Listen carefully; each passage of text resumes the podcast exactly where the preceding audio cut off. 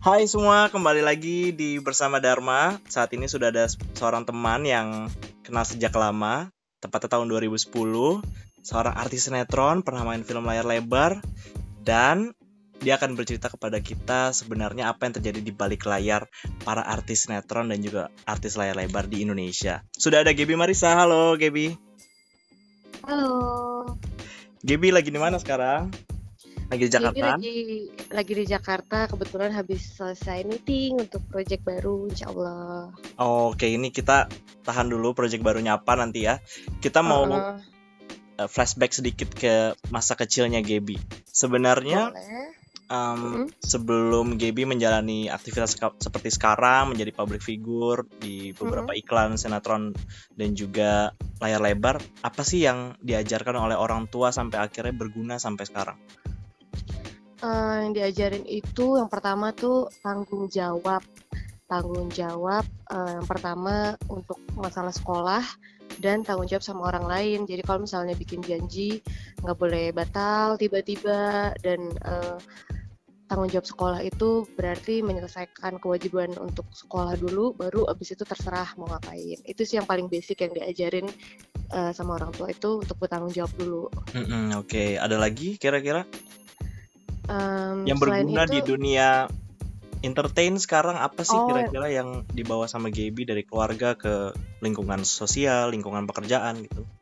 Uh, Iya, itu sih yang pertama juga bertanggung jawab itu penting banget untuk di semua dunia ya, terutama untuk aku di entertainment karena uh, uh, yang bisa diambil itu adalah bertanggung jawab dalam hal waktu. Karena kalau dia semuanya serba uh, harus tepat waktu ya, karena kan kita bermain dengan cuaca, dengan uh, schedule orang yang banyak gitu, artis-artis lain. Jadi kita uh, aku diajarin bertanggung jawab dari, dari kecil sehingga sampai dewasa. Jadi aku bisa bertanggung jawab uh, kepakai untuk di pekerjaan. Selain itu juga mm-hmm. uh, aku selalu diajarkan untuk uh, friendly humble sama orang lain gitu ya. Jadi mm-hmm. kalau di lokasi itu bergunanya untuk kita ngebangun uh, koneksi sama pemain-pemain kru gitu-gitu jadi kita uh, menjadi orang yang bisa diajak bicara dari semua kalangan aja gitu tanpa harus mengkotak-kotakan orang dari kayak eh kayak gue nggak pantas deh ngomong sama yang ini gitu misalnya. Hmm. kan ada juga ya tipe orang yang kayak gitu atau tipe artis yang kayak gitu kan juga ada juga. Kalau aku berhubung aku dari kecil diajarinnya begitu jadinya aku untuk di lokasi dan di dunia sosial aku kayak ya aku tidak membeda-bedakan orang dan tetap uh, friendly dan humble insya Allah. Amin. Kalau ketemu sama senior senior di lokasi sih mereka mencerminkan uh, seorang artis yang kita lihat di televisi nggak sih? Atau mereka sebenarnya lebih pemarah kemudian banyak yang ngaret banyak yang ya banyak sifat buruknya lah dibandingin apa yang kita lihat di sosial media sama di televisi gitu misalnya. Sebenarnya uh -uh. yang ada di balik layar seperti apa sih? Senior senior yang mungkin pernah main sama Gaby ataupun uh -uh. satu uh, produksi sama Gaby.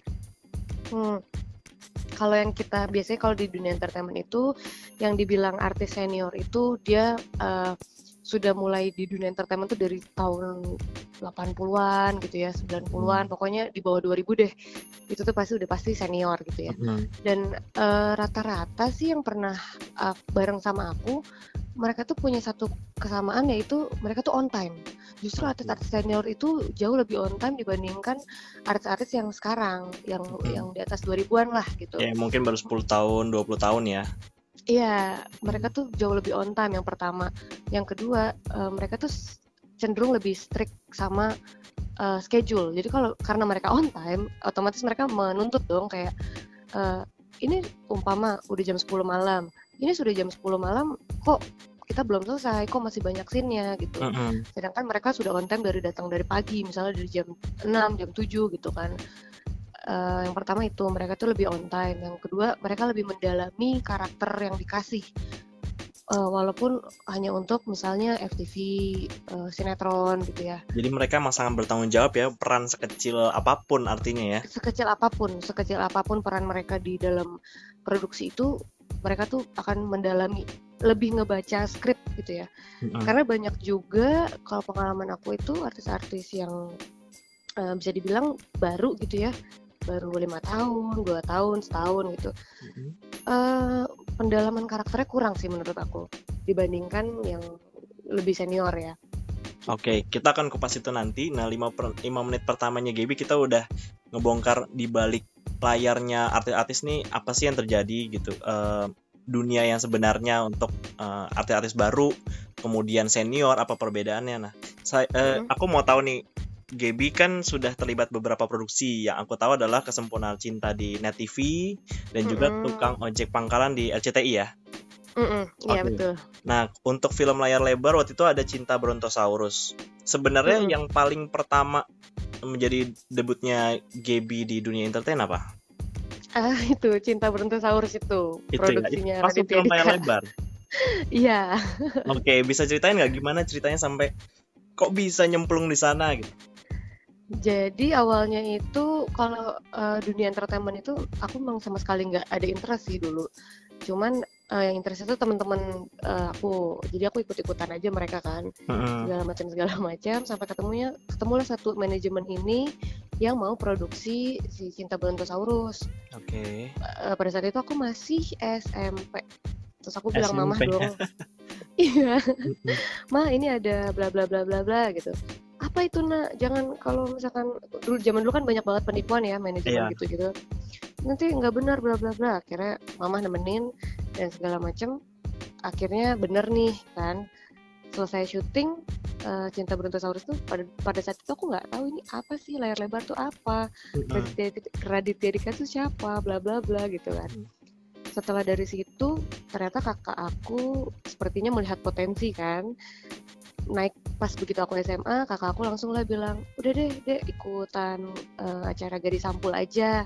Kayaknya kamu memang ada bakat nih di entertainment gitu pak jadi ngedorong itu kakak ya? udah ya uh, kayaknya dia udah tahu uh, apa namanya dia udah lebih punya naluri ya untuk iya. marketin adiknya gitu. Uh, kayaknya dia sebenarnya dia yang pengen jadi artis kayaknya. Cuma disalurkan nikah adiknya. Waktu produksi-produksi awal itu selain Cinta Brontosaurus terus beberapa iklan sama produksi sinetron misalnya gitu itu kan belum langsung uh, sebagai pemeran utama nih. Apa sih sulitnya untuk bisa mendapatkan posisi sampai di tukang ojek pangkalan misalnya kamu di situ dapat spotlight yang begitu besar kemudian di kesempurnaan cinta juga nama kamu naik sekali pada saat itu gitu. Apa sih yang dilalui oleh Gaby beberapa tahun sebelumnya di produksi-produksi kecil misalnya? Uh, Seberapa besar kamu berjuang gitu untuk dapetin peran itu? Uh, yang paling pertama sih yang paling perjuangan paling paling awal itu adalah casting. Itu sudah pasti. Casting. itu sih menurut aku udah pasti dilaluin sama semua artis yang ada di Indonesia sekarang ya. Kecuali zamannya Instagram itu beda lagi ya. Mm. sebelum zaman Instagram itu udah pasti artis-artis itu pasti akan melalui namanya casting. Dan itu yang paling terberat sih menurut aku. Karena uh, sama aja kayak orang baru lulus kuliah ngelamar kerja gitu kan uh, butuh kerjaan tapi harus punya pengalaman gitu. Jadi itu yang bikin sulit. Jadi bingung kan? Jadi bingung. Ya, tapi saya mau kerja ini. Ya tapi kalau mau kerja harus butuh pengalaman. Ya. Akhirnya uh, aku sempat ngalamin yang namanya seminggu full satu hari hmm. dua dua casting dan itu semuanya nggak ada yang keterima. Okay. Gak ada gak ada feedback. itu pernah. Seberapa dan menyeramkan sih casting di um, layar lebar misalnya atau di sinetron lebih susah mana kira-kira castingnya di antara dua itu? Castingnya lebih susah pastinya layar lebar karena layar lebar itu uh, dia benar-benar karakter yang dicari. Sedangkan hmm. kalau ke sinetron itu dia lebih fleksibel. Hmm. Umpamanya jalan ceritanya bisa agak dibelok-belokin sedikit gitu. Karakternya bisa dilanturin, tapi kalau layar lebar dia udah fix. Karakternya kayak gini ya. Lo harus masuk. Kalau masuk ya nggak bisa. Oke, okay. jadi mereka emang benar-benar mencari sosok yang pas di cerita mereka, sedangkan kalau sinetron tuh masih bisa uh, negosiasi lah ya. Kira-kira kalau ini mungkin bisa nih orangnya kalau dipoles sedikit atau gimana gitu. Iya, misalnya uh, misalnya kita datang casting untuk orang kaya gitu ya, hmm. karakter orang kaya. Ternyata pas nyampe sana dilihat, coba deh kamu pakai baju yang uh, biasa, yang sederhana oh ternyata kamu lebih cocok uh, jadi yang orang sederhana nih gitu. Bisa kayak gitu. Tapi kalau di iya. film nggak ada. Kalau misalnya kita casting buat satu itu yang satu. Nggak cocok berarti. Kalau nggak cocok ya udah bye gitu istilahnya. Nah casting casting itu sebenarnya semenyeramkan itu nggak sih? Kadang kalau kalau kita dengar orang kan uh, artis cerita ataupun pemain film gitu mereka kalau punya apa namanya mereka dengan nama besar pun mereka bahkan harus casting gitu ya seperti Iya. Tara Basro, Reza Rahardian semuanya mereka tetap harus casting gitu. sebenarnya semenyeramkan Iya. itu nggak sih atau sebenarnya itu hanya formalitas untuk beberapa orang yang punya privilege lebih punya nama besar gitu itu sebenarnya formalitas doang Eh, enggak sih, karena ada beberapa eh, PH production house itu yang memang dia maunya mau artis besar ataupun belum artis, dia maunya di casting dulu, di screen test atau kalau kita bahasanya. Kalau di screen test itu ibaratnya udah tahap akhir sebelum penentuan dia dapat eh, karakter atau enggak. Dan itu justru penting banget eh, karena eh, eh, apa namanya eh, casting itu dibilang menyeramkan karena kita dikasih dialog Mm-mm. dikasih situasi yang nggak ada pendukungnya. Iya kan belum ada setnya belum ada Ya, belum apa ada ya, set, belum bahkan ada bahkan pemain pemain lawan kita kan juga bahkan belum nggak ada. Ah, bahkan nggak ada atau bahkan mungkin belum mendalami karakternya kalaupun pakai orang Ada. misalnya gitu kan Heeh, heeh. Itu yang bikin menyeramkan tuh itu karena kita harus berimajinasi sendiri, mencelupkan diri kita ke dalam karakter itu tuh gimana? Karena situasinya nggak sama, sama sekali nggak kondusif nih. Udah cuman ada kamera doang, kadang ruangannya eh, ramai orang gitu kan. ditontonin juga mungkin itu yang bikin orang kayak aduh gimana nih gue harus gimana dan eh, di, di setiap casting pasti casting director itu pasti mau ngambil yang paling perfect kan supaya biar presentnya enak gitu. Kita kan a- agak gimana ya kalau misalkan kayaknya kamu kurang gini gini gini deh kurang coba deh ini lagi. Enggak enggak enggak kayak gitu. Terkadang kita kan kalau dikomentarin langsung directly abis kita acting tuh bikin agak ngedown gitu. Itu Iya, sih benar. kayaknya yang bikin menurut orang casting itu menyeramkan. Tapi sebenarnya pas udah syuting mah ya udah kamu pernah ngerasa failed banget nggak? Eh, ada ada satu dua casting mungkin yang ngerasa setelah itu gila hancur banget gue atau karir gue nggak akan berlanjut lagi nih kayaknya gitu. Pernah nggak? Pernah. yang kacau pernah pernah banget. Eh, jadi eh, waktu itu disuruh casting untuk eh, karakternya tuh eh, perempuan centil gitulah. Mm-mm. dan itu kan memang bukan aku banget gitu ya. Hmm. tapi ya harus dicoba namanya juga artis kan harus bisa ini itu doang gitu Mm-mm. udah dicoba ber- berkali-kali berkali-kali berkali-kali ternyata tetap nggak dapet dan Oke. setelah keluar dari ruangan itu kayak "Ah, kayak gue mundur aja deh dari entertainment kayak gue nggak bisa karakter lain deh gitu itu waktu itu waktu itu terpikirnya untuk mundur dari eh, dunia entertain karena mungkin ada pekerjaan yang lebih cocok misalnya gitu atau karena mungkin peran-peran tertentu aja yang membuat Gaby merasa kayaknya nggak cocok nih peran-peran yang ini gue nggak bisa nih nggak akan ngambil misalnya kalau ada tawaran lagi untuk casting di peran itu gitu Eh, sebenarnya sih lebih ke kayak bete aja sih sama diri sendiri. Bukannya sesaat karena mungkin ya. Iya bete sesaat kayak tapi setelah kita pikirin lagi gitu ya kayak nggak mungkin apa sih gue bisa kok. Dan next time-nya kita casting di tempat lain karakter yang sama ternyata bisa gitu. Jadi Hmm. nggak ada yang nggak mungkin gitu sebenarnya. Pada saat itu doang aja mungkin kita lagi bete lagi ada pikiran apa gitu. Tapi jadi kalau mau di dunia entertainment tuh harus maju Uh-uh. terus harus maju terus ya. Tapi Iya. kita lihat kan banyak juga artis yang uh, akhirnya down ataupun stres karena kerjaan, kerjaan naik turun, saingan semakin banyak gitu. Untuk seorang Gaby Marisa se sebesar apa sih perjuangan yang harus dilakukan sekarang ini nih setelah punya nama gitu bersaing dengan anak-anak baru yang mungkin generasi Instagram itu yang tadi kamu bilang. Mm-mm, betul. Eh, perjuangan kita tuh kita hanya bisa menjual skill dan attitude sih kalau aku ya. Karena menurut aku gini, kalau gue ngejual muka cantik itu banyak banget anak-anak millennials ini yang baru-baru ini pada cantik-cantik bule Iya. gitu-gitu kan. Yang kayak semuanya Kalau- tuh hampir sama semua, kurus, tinggi, Iya. langsung cantik gitu. Iya, yang bener-bener ya polesannya sama gitu lah ya. Mm-mm. Kalau gue ngejual cantik gue nggak bisa. Kalau gue ngejual nama juga nggak bisa. Gue masih kalah sama yang uh, influencer yang jauh lebih banyak followersnya umpamanya. Mm-mm. yang bahkan punya fanbase sendiri di mana-mana Iya. gitu kan. Meskipun dia nggak pernah tampil di TV. Jadi apa yang bisa gue jual nih? Oke, gue bisa ngejual pengalaman, attitude, dan skill gue. Udah itu aja yang, yang gue fokusin, orang akan ngeliat sendiri. Begitu Oke. sih. Kalau dari senior-senior yang pernah em, bermain bersama Gaby, bisa sebutin nggak nama-nama yang mungkin masih eh, terkesan banget sama Gaby, bisa main sama Oh. mereka gitu? Ada Om Cok Simbara, ada Mungkin. eh, Nova, Kak Nova Eliza, Hmm. terus ada Kak Dimas Beck, Hmm. terus Karirin Dwi Arianti, terus ada Kak Dimas Seto, Mhm. terus ada Kak Ence Bagus, Uh, itu banyak banget ya. seniman banget sih. Iya, lumayan banyak dan eh, semuanya asik-asik sih, dapat dapat pelajaran juga ketika kita ada di lokasi ngobrol-ngobrol kata orangnya nggak menyeramkan kok gitu. nggak sombong kok gitu kan. Udah nggak sih kalau orang-orang eh, mikir. lawan main yang nyebelin gitu? Uh, banyak. Banyak ya. Sering itu itu nggak satu Kayak dua gimana sih sering kita nyebelinnya versi Gaby itu gimana sih? Nyebelinnya versi aku itu adalah yang pertama masalah waktu sih. Oh, mereka Terlambat. ngaret gitu ya. Iya, aku paling sebel banget kalau sama lawan main yang kayak gitu karena dia merepotkan satu produksi gitu kan. Hmm.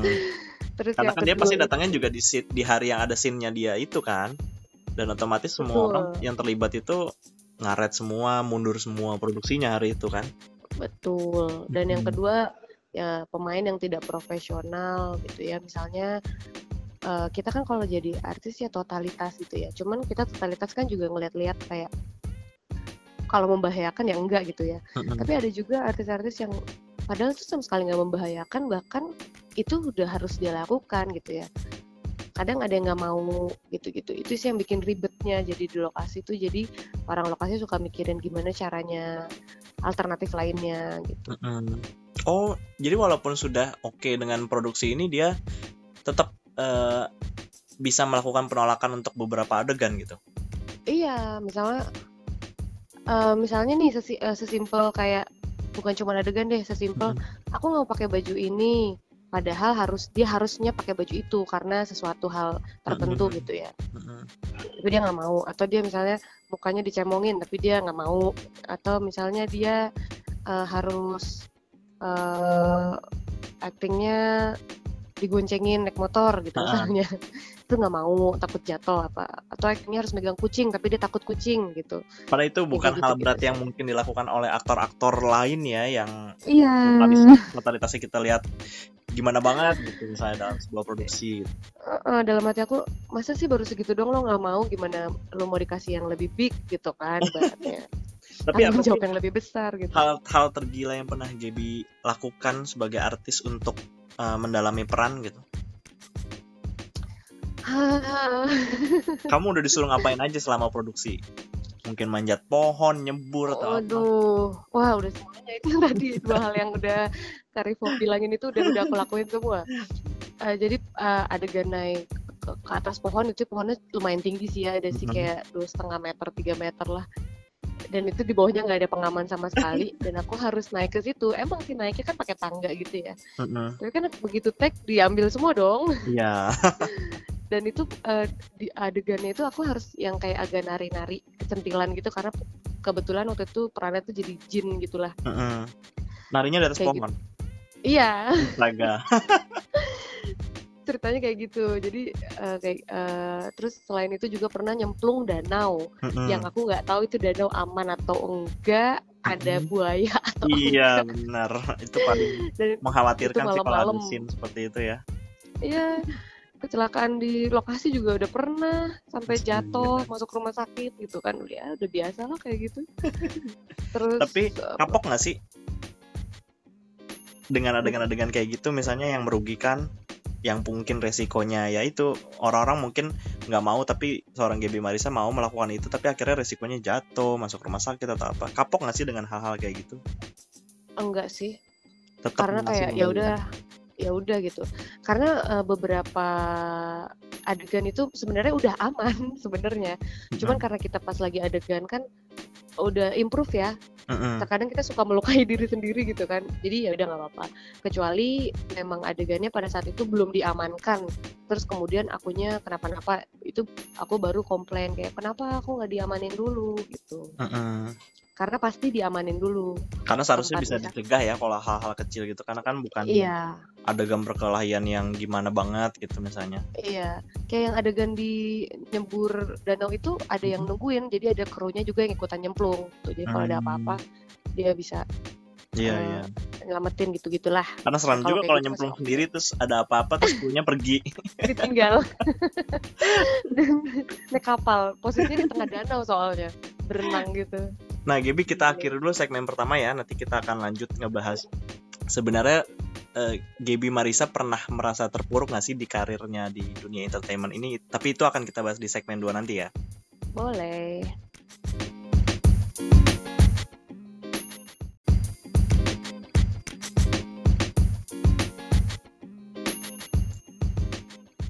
Oke, kita lanjutin ke segmen 2. Di sini akan ngebahas hal-hal yang lebih dalam lagi tentang dunia entertain. Masih ada GB Marisa, kita akan membahas sebenarnya selama berkarir di dunia entertain, apa sih rahasia terbesar dari seorang artis yang tidak diketahui sama publik gitu?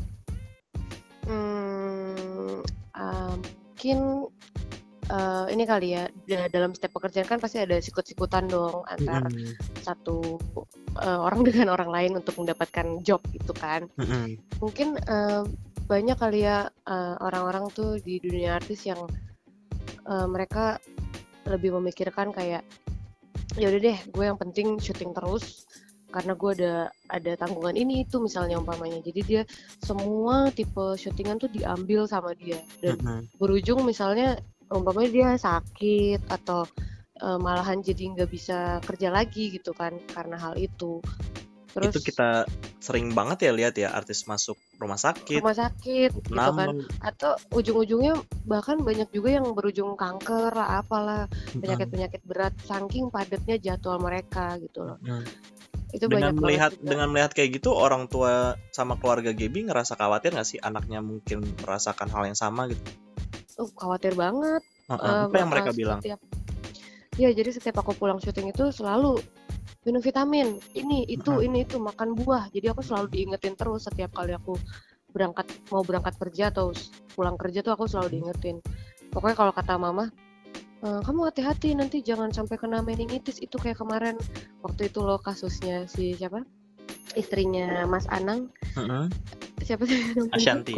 Ashanti. Mm-hmm. Ashanti kan pernah didiagnosa meningitis kan. Pas saat itu tuh mama yang langsung kayak, aku mama nggak mau nih kamu nanti kayak Ashanti lagi di vonis meningitis bla bla bla. Sebenarnya banyak banget ya penyakit yang bisa diderita sama seorang artis karena kan kita tahu nggak cuma tipes dan juga demam berdarah yang biasa gitu ya. Tapi juga iya. banyak penyakit-penyakit yang krusial yang sebenarnya diderita karena dia pulang tidur. Karena kecapean. Iya, gaya hidupnya juga mungkin gak sehat gitu ya.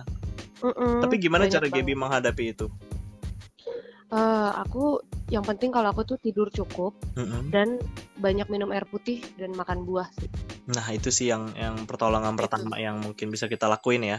Iya karena kalau vitamin dari pil gitu mm-hmm. itu kurang bagus untuk badan juga gitu. Karena kimia. Sebenarnya yang paling bagus iya yang paling bagus itu kan emang kita makan buahnya langsung kan. Ah uh, uh, betul betul jadi kalau aku sih untuk menjaga kesehatan aku dan stamina aku kayak gitu sih biasanya yang penting tidur aku cukup aja ketika lagi off mm-hmm. uh, bukan berarti kita harus tidur berlebih gitu ya mm-hmm. tapi tetap kita hitung 8 jam pokoknya oke okay. Gitu. nah selama selama berkarir di dunia entertain ini udah berapa lama ya kira-kira hmm, kurang lebih berapa tahun gitu? 8 8 atau 10 tahun ya mungkin udah. 8 10. Ya terhitung sejak gadis sampul itu mungkin ya. Iya, iya, iya. Kan semakin sering semakin naiknya di situ ya teman-teman banyak yang casting sejalan juga gitu kan. Uh, uh, uh. Nah, Gaby Marisa sudah menganggap ini sebagai pekerjaan belum sih atau menganggap dunia entertain udahlah sampingan aja gue tetap harus punya nih kerjaan utama gue apa atau mungkin mau usaha atau mau punya kegiatan utama selain jadi artis misalnya gitu. Iya, sebenarnya sih cita-cita aku tuh aku pengen banget jadi psikolog sih. Uh, karena aku sekarang kebetulan udah, udah satunya udah psikologi kan. Nah, aku yeah. pengen banget ngelanjutin S2 untuk ngambil psikolog dan buka praktek. Aku pengennya gitu. Jadi aku pengennya nih entertainment tuh cuman sampingan aja sebenarnya. Nah, entertain gitu. pernah membuat kamu nggak punya uang sama sekali nggak? ketika Pernah kamu mungkin nggak dapet kerjaan gitu. Karena kan kita taunya artis kan selalu ada uang gaya hidupnya mewah gitu. Tapi pernah nggak sih se seburuk itu kamu tidak mendapatkan pekerjaan dalam waktu lama? Pernah pernah. Pernah banget. Uh, itu sekitar sampai tiga bulan deh. Aku nggak ada job sama sekali. Uh, terus apa yang kamu lakuin? Tiga bulan nggak ada uang masuk terus mungkin teman-teman uh, lagi seru-serunya syuting terus kamu secara psikologi kan pasti ngelihat itu ya gitu. Sebagai iya. yang jelas banget kelihatan. Sebenarnya uh, ketika aku off itu yang kemarin-kemarin di syuting itu sebenarnya belum keluar duitnya. Jadi ketika off duitnya baru keluar gitu ya. Oh, jadi tetap Jadi- kerasa cicilan gaji gitu ya, lumayan gitu ya. Eh, lumayan lah nggak terpuruk banget gitu ya masih ada eh, dapat masukan. Cuman banyak juga teman aku yang kondisinya benar-benar dia udah udah nggak ada uang turun lagi dan nggak ada job lagi. Eh, dan biasanya aku nih sama teman-teman bertahan itu lebih kayak ya udah masih ada hari besok ya udah tetap berpikir positif aja gitu Mm-mm. dan eh, kalau aku sih menghindari penggunaan ini ya segala macam bentuk kredit gitu Oh, Oke. Karena Sebisa mungkin tuh jangan ada gitu. cicilan di kemudian hari.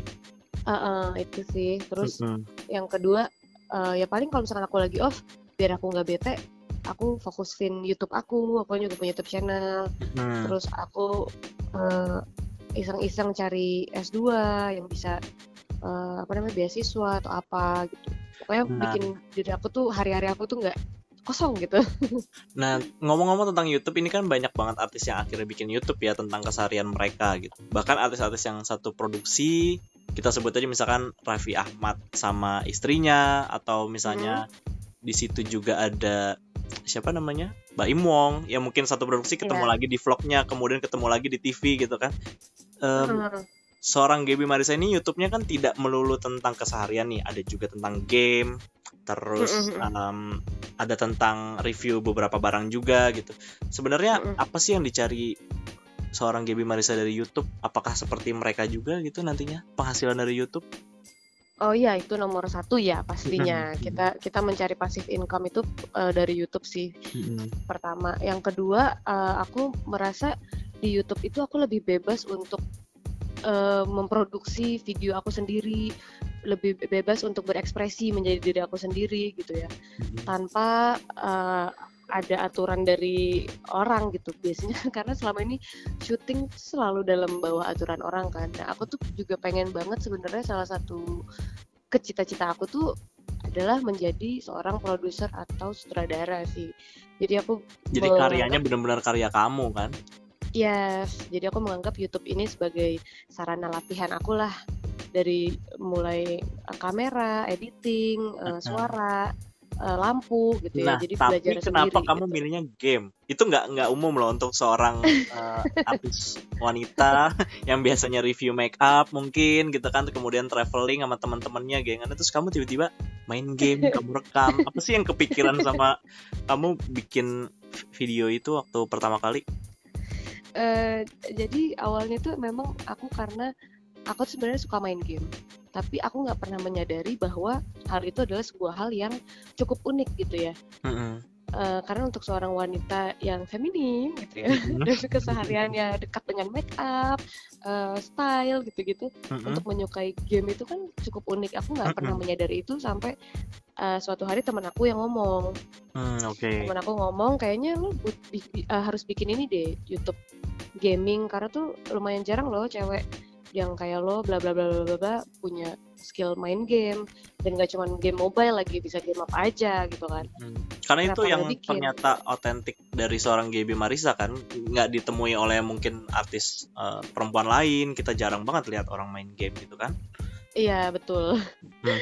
Pada akhirnya tuh jadi jadi apa ya istilahnya hmm, ciri khas aku lah, ciri khas YouTube aku lah gitu pasti tentang game.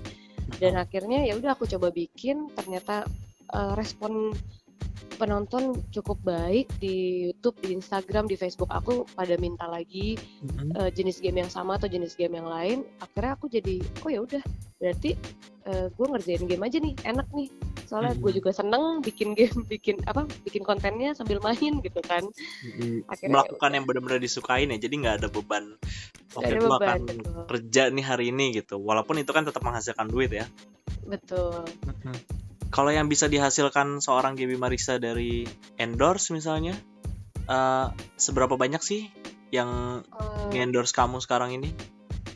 Lumayan banyak sih. Eh, kebanyakan yang endorse aku itu saat ini tuh long term. Jadi dia benar-benar kayak untuk setahun untuk dua tahun Oh. gitu. Jadi jadi eh, aku lebih suka yang kayak gitu sih. Aku kurang suka juga yang cuman eh, kecil-kecilan dikit-dikit gitu aku lebih suka yang long term karena Mhm. nggak ribet jadi ngubunginnya itu itu aja gitu kan istilahnya Mhm. Tapi itu Dan ngebebani kamu waktu posting-posting nggak? Maksudnya menganggap sosial media itu sekarang menjadi lahan pekerjaan juga nih gitu. Itu jadi beban nggak sih untuk ngedit sebaik mungkin misalnya atau posting dengan caption sebagus mungkin gitu? Uh, awalnya sih iya, awalnya sih kayak sebelum aku menyadari ya, awalnya hmm. sih aku kayak, aduh kok jadi Instagram gue jadi kayak uh, ini ya portofolio berjalan gue ya gitu. Uh. yang orang tuh bisa akses kapan aja gue nggak bisa ngepost yang sesuka hati gue harus ada konten bla bla bla awalnya awalnya memang begitu cuman lama-lama uh, kita nggak bisa idealis juga kalau di dunia entertainment gitu kan. Uh. di mana kalau idealis ya akan sulit bergerak gitu kan. Uh, karena mau tidak mau itu yang menjadi lahan itu tadi pasif yeah, income itu ya yang akan salah satu. Uh. salah kan, satu pasif income juga. Nah, dengan pekerjaan yang tidak selalu uh, datang gitu uangnya, tidak selalu ada uh, job misalnya, apa sih yang disiapkan Gaby nanti? Mungkin lima tahun ke depan, 10 tahun ke depan, kamu mau ngapain kira-kira? Uh, aku sih rencana itu tadi aku mau S2, mm -hmm. lalu aku kalau udah S2 aku pengen jadi psikolog, mm -hmm. dan aku masih tetap di entertainment tapi kalau bisa aku di balik layar sebagai produsernya atau sebagai sutradaranya seperti mm -hmm. itu dan sampai dari sekarang sampai menuju nanti itu uh, aku sih lebih bermain ke arah investasi saham dan lain-lain gitu ya dibandingkan untuk kayak party dan segala macam. Jadi itu justru itu sudah disiapkan gitu. dari sekarang ya daripada iya. nanti pas sudah nggak ada job baru kelimpungan hmm, gitu ya. Iya, jadi ketika aku waktu nggak ada job yang tiga bulan itu kebetulan hmm. kan ada investasi dari mana-mana kan, jadi hmm. uangnya bisa kita ambil dulu atau keuntungan investasinya yang kita ambil gitu-gitu. Jadi uh, jangan sampai kita tuh udah maksudnya udah umur segini loh dan kita udah di entertainment udah lama loh masa sih kita nggak punya preventation untuk hal-hal seperti ini gitu mm benar-benar benar tapi untuk seorang artis yang uh, notabene-nya biasanya kita lihat menjual tampang doang terus eh, Gaby tadi juga bilang banyak juga anak, anak muda di Instagram yang mukanya bule kurus tinggi langsing cantik itu akhirnya menjadi mm -hmm. artis gitu mm -hmm. uh, pernah nggak sih di label oh nih orang tampangnya doang nih gitu Hmm, Kamu pernah nggak mendapat cap itu dari orang-orang? Kayaknya orang ini nggak pinter deh gitu. Oh, oh sering kalau itu. Sering ya. Sering banget, iya. Hmm, apa yang sering kamu kayak... uh, rasain waktu itu ketika dapat komen mungkin? Hmm, ketawa aja sih. Aku lebih ngetawain dia kayak uh, man don't judge a book by its cover gitu. Hmm. kayak aku menertawakan dia karena kayak dengan lo menjudge gue kayak gitu aja itu mencerminkan bahwa kenyataannya kepintaran lo tuh nggak segitu pintarnya gitu untuk menilai orang. Uh, uh, bener sih. Ini iya sebuah kan? pencerahan juga ya.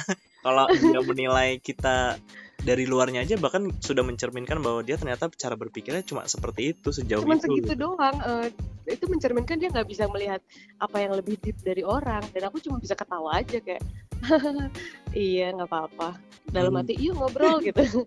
Yuk kita ngobrol nih kita bahas apa yuk. Jadi kamu nggak pernah merasa um, kayaknya gue harus deh ngebuktiin ke orang bahwa gue pinter itu nggak harus. Karena hmm, sebenarnya memang harus. sudah sudah punya kualitas itu gitu Iya, aku aku nggak harus nggak ada keinginan ingin membuktikan sih. Maksudnya uh, pembuktiannya tuh cukup dengan kayak gitu aja dengan dia ngomong kayak gitu aja dia mm-hmm. udah membuktikan bahwa diri dia tuh segitu gitu kan. Dan aku uh, cukup orang orang-orang bisa nilai sendirilah dari kalau dari uh, apa ya dunia maya bisa dilihat dari postingan, dari interest aku ke mana, mm-hmm. terus uh, apa sih yang aku bahas ulang terus menerus di Instagram aku atau Facebook atau YouTube itu apa? Gaya hmm. bicara aku tuh bahasanya gimana? Itu kan kalau orang smart pasti dia tahu dong oh ini orang smart gitu. Kalau misalkan orang gak smart ya ya udah gitu. Jadi kamu sebenarnya nggak terlalu peduli sama komentar netizen dan lain-lain ya? Karena kan Enggak. ada juga orang-orang yang pusing banget mikirin komentar gitu. Tapi kalau GBI Marisa berarti enggak enggak karena biar bagaimanapun uh, public comments itu nggak bisa kita arahin nggak bisa kita ubah-ubah jadi serah aja mereka lah gitu. Tapi dengan adanya Gapstick fanbase kamu hmm, uh-huh. kamu merasa gimana? Uh, merasa apa sih yang yang kamu rasain waktu pertama kali mereka muncul gitu Gapstick? Seneng banget kayak iya ada ya orang yang sama gue segininya gitu. Itu sudah sudah berapa follower sekarang? Gapstick? Eh, tiga ratus apa ya? Kalau nggak salah. Oh, itu lupa itu base di Jakarta. Oh enggak, dia yang dia bilang sama aku tinggal di Kalimantan. Oh, ya ampun. Heeh. Banyak Dan dia juga kayak ya. sampai bikin line officialnya gitu gabung-gabung terus kayak ngomongin aku gitu di situ Berarti dia minta updatean ke kamu dulu sebelum dia publish gitu ya.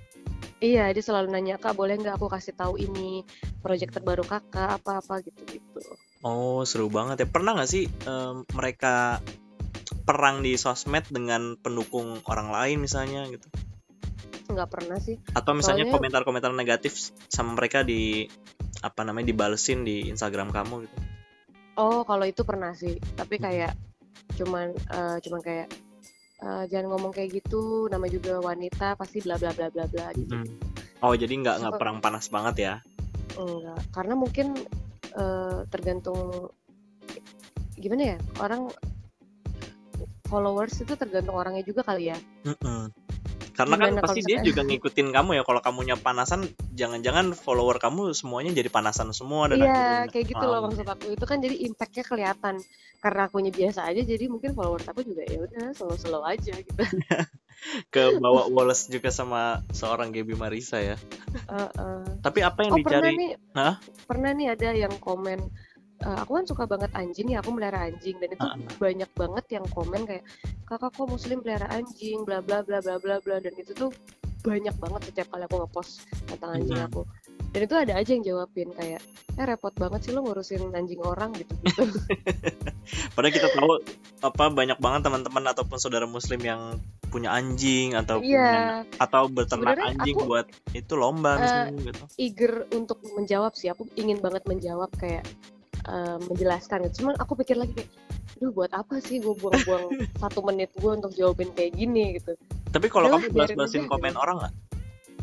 Eh, enggak sih Sama sekali atau di beberapa doang yang kamu balas? yang positif aja yang aku balas yang negatif aku cuekin Nggak takut makin diserang? Nggak. oh enggak aku mah nggak takut Cuek banget ya. Jarang nih kita temuin cewek kayak begini yang uh, ya mungkin karena kamu basic ke psikologi ya, jadi lebih tenang menghadapi uh, situasi gitu. iya aku nggak peduli Eh, umpama gini ada eh, beberapa artis yang dia eh, merasa terganggu dengan komentar orang yang mengarah ke pornografi misalnya Mm-mm. kayak dadanya, pahanya, bla bla bla. Sekarang gini kalau kalau kita nggak mau dikomentarin kayak gitu, kenapa ngepostnya kayak gitu? Gitu aja sih, sesimpel itu aja gitu loh. Bener Nah, juga sih. Itu yang aneh kan. Kalau aku sih, umpama aku lagi posting yang memang agak terbuka bajunya, lalu orang ada komen gitu, ya udah, Iya. deh. Karena emang udah tahu resikonya posting itu kan pasti akan akan kepikiran kan pas nulis caption. Oh kayaknya bakal ada yang komen deh ini orang gini. Tapi ya udahlah gitu. Iya, tapi Iya udah kan? gue- orang gue yang mau kok ngepost gitu kan. Mm-mm. Jadi nggak usah diambil pusing. Menurut apa tuh orang-orang kayak gitu tuh ya kurang piknik mungkin ya. yang orang-orang yang komen-komen itu juga, orang yang menanggapi komen juga. gitu. Hmm. Santai aja bu. Kalau menurut kamu sekarang sosial media mengkhawatirkan nggak sih kondisinya? Oh iya jelas, jelas Karena kita mel- melihat eh, eh, anak-anak eh, zaman sekarang, anak-anak kecil gitu ya yang belum dewasa, Mm-mm. usia mungkin usia 7 sampai 16 tahun tuh sekarang udah sosial media banget. Sedangkan influencer di sosial media kebanyakan kontennya 18 plus gitu loh. Iya benar-benar. Jadi itu yang mengkhawatirkan sih menurut aku. Gimana generasi selanjutnya ini gimana? Mereka udah terbiasa melihat hal-hal yang seperti itu. Semua informasi mereka nggak cerna dulu. Itu Iya, benar. sih. Mereka setiap malam minggu ngeliat orang karaoke sambil minum misalnya. nah, itu kan yang di-upload di upload upload orang itu kan jadi Iya. anak-anak mungkin mencontoh kayak oh ternyata gue ke eh, eh, eh, misalnya clubbing sambil minum-minum di pos itu nggak apa-apa karena banyak yang melakukan gitu kan Mm-mm. itu kan contoh nggak bagusnya membahayakan juga gitu Oh berarti kamu dengan dengan basic psikologi dengan kamu paham kayak gini eh, berpengaruh banget dong sama postingan kamu di mana kamu menjaga ataupun mengajak orang kan jadi lebih eh, punya cara sendiri ya yang mungkin lebih enak lebih membuat orang nyaman karena kan kamu basicnya psikologi. Mm, mm, mm, mm. iya bener banget aku selalu eh, tujuan aku tuh di Instagram aku YouTube ataupun Facebook tujuan aku tuh adalah mengi- bisa menginspirasi orang untuk menjadi lebih baik gitu ya Mm-mm. itu selalu yang tujuan utama aku jadi aku nggak pernah mau yang namanya eh, umpama terima endorsan yang nggak bener gitu ya. Hmm. Teri- yang nggak bener tuh maksudnya Apa dalam tuh? konteks Ambigu juga ya. iya makanya. Apa dalam konteks em, umpamanya sesimpel ini deh misalnya ya obat peninggi pelangsing bla bla bla. Menurut aku itu bukan nggak benar sih. Menurut aku kalau aku menerima endorsan seperti itu artinya aku membiarkan followers aku untuk tidak percaya diri dengan badannya dari eh, dan berusaha mengubah dirinya gitu loh jadi aku ya message yang mau aku sampaikan adalah sesimpel kayak love who you are and fight for what you love Eh, gitu iya, karena kan itu yang kamu juga sering posting misalnya tanpa make up, yang kamu misalnya Yes. lagi nyetir mobil dengan ya mungkin make up sederhana kalau keluar rumah gitu kan. Tapi kalau lagi main sama anjing ya udah sesimpel itu nggak usah perlu menor-menor atau mungkin review-review Iya. sambil dandan banget gitu kan. Iya, karena itu yang harus itu, itu sih yang pengen aku tunjukin ke orang-orang kayak eh eh, artis itu adalah sebuah pekerjaan loh. Mm-mm. Sama kok kayak kalian juga, gue juga kerja. Cuman bonusnya adalah fame, ketenaran itu Betul, doang. Dan bagaimana cara aku mengelola ketenaran ini supaya menjadi dampak yang positif buat orang? Ya dengan cara kayak gitu, aku benar-benar menjaga postingan aku untuk menuntun followers aku tuh kayak eh, jadi lebih fun, apa-apa dibawa santai dan eh, chase your dreams gitu ya, be yourself itu sih yang pengen aku emphasize gitu. Tapi waktu kamu akhirnya eh, tadi ngomong ketenaran kamu punya follower yang puluhan ribu eh, itu kan tidak tidak didapat dalam satu dua malam gitu kan itu ada ada prosesnya setiap project mungkin nambah lagi setiap project nambah lagi follower kamu kaget nggak sih awalnya sebanyak itu orang yang follow kamu dan tiba-tiba memperhatikan kamu gitu Eh, dulu sebelum zamannya Instagram, Mm-mm. eh iya sebelum zamannya Instagram aku nggak pernah menyangka sih. Ketika zamannya Instagram terus kaget kayak gitu kayak wow lumayan juga ya. Gitu orang-orang kepo sama gue gitu ya. Karena kan setiap story kamu pasti ada yang balas komennya gitu kan. Setiap foto Iya, pasti betul. rame gitu. Betul. Jadi eh, lumayan agak bingung juga sih antara nih orang nggak punya kerjaan apa emang ngefans apa emang iseng gitu ya antara ambigu juga gitu. Ngapain dia ngeliatin kehidupan gue sama aja kok kayak kalian gitu? Heeh, bener. sama-sama makan nasi kok. Coba bedanya kamu uh, ada di depan layar, jadi mungkin iya. uh, buat mereka menarik juga tahu kamu di belakang Penasaran layar ya. kayak gimana gitu. di belakang Tapi layarnya ngomong-ngomong- gimana? Ngomong-ngomong follower nih, ada nggak sih teman-teman yang sebenarnya nggak akrab-akrab banget tapi minta di follow back? Banyak dong Kadang, uh, karena Banyak aku tahu dong. banget ketika kamu jadi artis gitu misalnya, tiba-tiba banyak kan mungkin teman SD, SMP, SMA yang, Hai Gap, masih inget gue nggak? Gue dulu ini, ini, ini, pasti ada dong. banyak Terus kamu gimana menanggapi itu gitu, yang sebenarnya nggak pengen kamu follow gitu? Eh, ya aku sih just being nice ya, ya aku fallback aja gitu. Sesimpel itu ya seorang Gaby ya, Iya. nggak- berdebat atau apa gitu. Enggak. Karena menurut aku kayak ya udahlah being nice aja toh juga nggak menutup kemungkinan di esok hari kita membutuhkan mereka atau mereka Iya, membutuhkan benar. kita. itu itu link yang tidak terduga loh sebenarnya teman-teman Iya. lama tuh Bener, makanya aku kayak oh ya udah follow back, oke. tapi gitu. fallback untuk unfollow lagi nggak seperti yang dilakukan orang-orang gitu misalnya Nah kalau aku nih biasanya dalam misalkan setahun enam bulan sekali deh, aku tuh Mhm. selalu screening Instagram aku. Mm-mm. Jadi aku cekin satu-satu yang aku follow. Kalau mereka udah lama nggak update banget ya sampai setahun baru aku follow. Jadi oke gitu. karena karena memang mereka Screening. udah bukan pengguna aktif lagi ya Iya, bukan Mm-mm. karena aku kesal sama orangnya. Mm-mm. tapi ada yang baper nggak sih Ada dong temen aku kayak, kok gue di unfollow? Sorry ya, soalnya gue kira lu udah nggak main Instagram, lu masih main masih. Oh Ya yaudah udah, kalau gitu like dong foto gue gitu. tapi di follow lagi di follow lagi. ya ampun Dan teman-teman aku tuh di sekitar aku udah tahu aku emang orangnya kayak gitu. Mm-mm. Bukan berarti aku sombong atau apa, tetap aja kalau ketemu kayak biasa aja gitu. Oke oke oke Gaby ini kita punya lima menit terakhir kita akan ngomongin uh, hal-hal yang menginspirasi anak-anak muda untuk bisa Hmm. menjadi hmm, apa ya uh, untuk bisa masuk ke dunia entertain tapi tetap uh, membawa nilai-nilai baik dari lingkungan keluarganya dan lingkungan sosialnya untuk ke kerjaan ataupun sebaliknya gitu.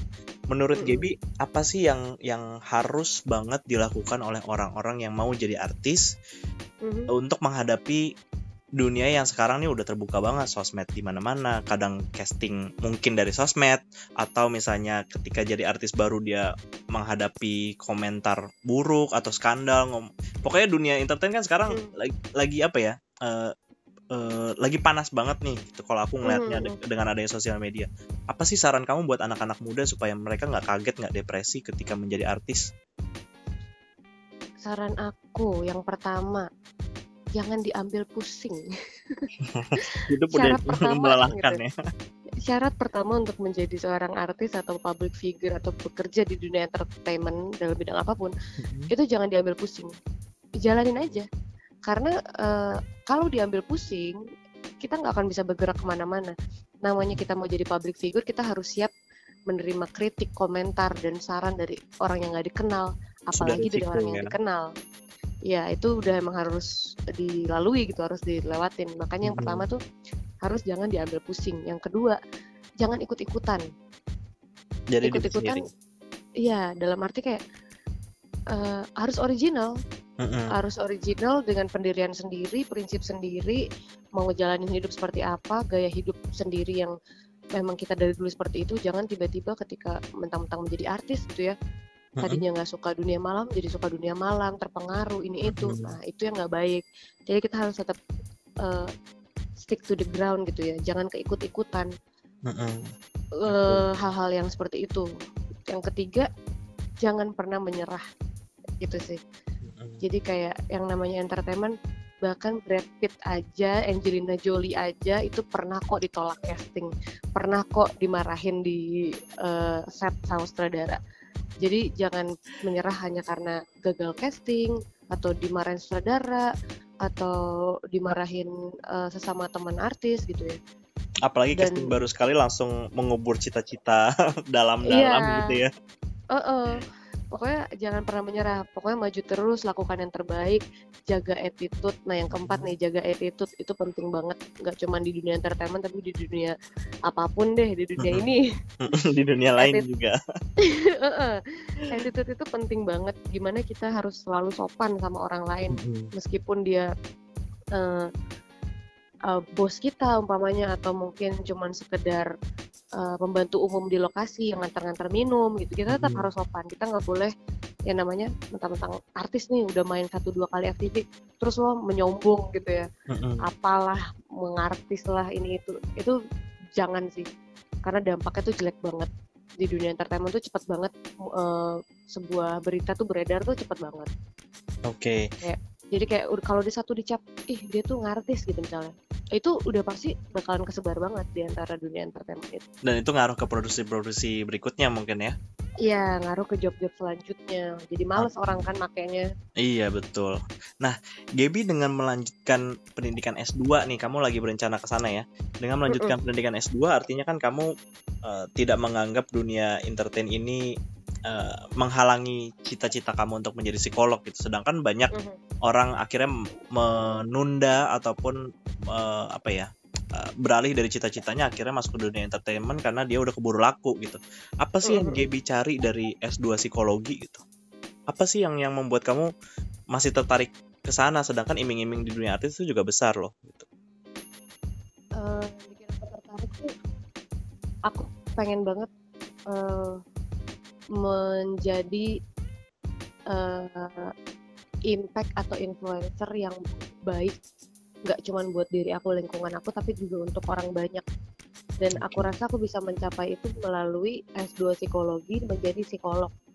Dengan menjadi psikolog eh, omongan-omongan aku bisa divalidasi gitu ya. Bisa ibaratnya valid lah apa yang aku omong itu bisa valid. Dan dari situ aku bisa memotivasi banyak orang dari situ jadi tidak hanya untuk kepentingan pribadi tujuan aku tuh lebih untuk kayak ayo dong eh, anak-anak muda ayo kita berubah mindset bla bla bla. Tapi untuk menjadi seorang speaker motivator gitu aku harus dapat S2 dulu supaya omongan aku ini benar bisa divalidasi gitu. Karena kalau sekarang eh, belum bisa diakui kalau di dunia psikologinya gitu. Oke, terakhir nih Gab. Kira-kira apa project yang akan dikerjain berikutnya dan dan di mana orang-orang bisa menghubungi kamu di sosial media mungkin kamu bisa sebutin nanti sosial medianya. Jadi pertama kira-kira project apa untuk berikutnya dan kedua mungkin sosial media kamu kamu bisa sebutin satu-satu. Project aku selanjutnya adalah mungkin rahasia. apa apa yang bisa Tapi- dibocorin dari project baru? Em, yang bisa dibocorin adalah akan tayang di eh, sat- stasiun TV yang lumayan besar. Mm-mm, Oke. Hmm, antara dua nih ya. Sebutin boleh nggak? Sebut Boleh, boleh, boleh, boleh. Antara akan tayang di RCTI atau di SCTV. Mm-mm. Eh, itu cukup lama sih durasinya, tapi segitu aja dulu yang bisa dikasih tahu. Karena biasanya tertutup rapat ya informasinya ya. Iya. Nggak boleh dibocorin. Nah, Karena kita bisa mengkontak bisa mengkontak GB di mana? Bisa kontak aku di Instagram aku @gbmarisa atau kalau untuk endorse eh, untuk eh, paid promote bisa Mhm. hubungin personal manager aku di eh, line-nya di Rich Gemini. Oke. Tuh. Kalau untuk bisnis segala macam ada job bisa langsung DM aku di Instagram @gbmarisa. Oke, kalau mau kolaborasi YouTube ada di GB Marisa juga. Iya, bisa dari Instagram aku juga langsung di DM. Oke, GB Marisa, thank you. Terima kasih waktunya sudah meluangkan waktu hari ini untuk bercerita banyak banget tentang background di dunia entertainment, tentang pendidikan, tentang cita-cita, motivasi kamu, tentang dunia di balik layarnya para artis. Semoga Iya. cita-cita kamu tercapai dalam waktu dekat. Amin, amin. Kalau bisa dapat beasiswa, karena kamu pasti orang yang mengejar itu karena Iya. impian kamu sejak lama, sejak lulus juga langsung mau lanjut lagi sebenarnya ya. Iya, sebenarnya cuman waktu Mm-mm. lulus langsung dapat project. Jadi ya udah tar dulu deh. Sudah sebentar. Nah, eh, kita akan akan kembali lagi mungkin di episode-episode berikutnya dengan project baru Gaby. Mm-mm. Tapi untuk episode ini cukup sampai di sini. baik. Sampai ketemu lagi. Sampai jumpa. Sampai jumpa.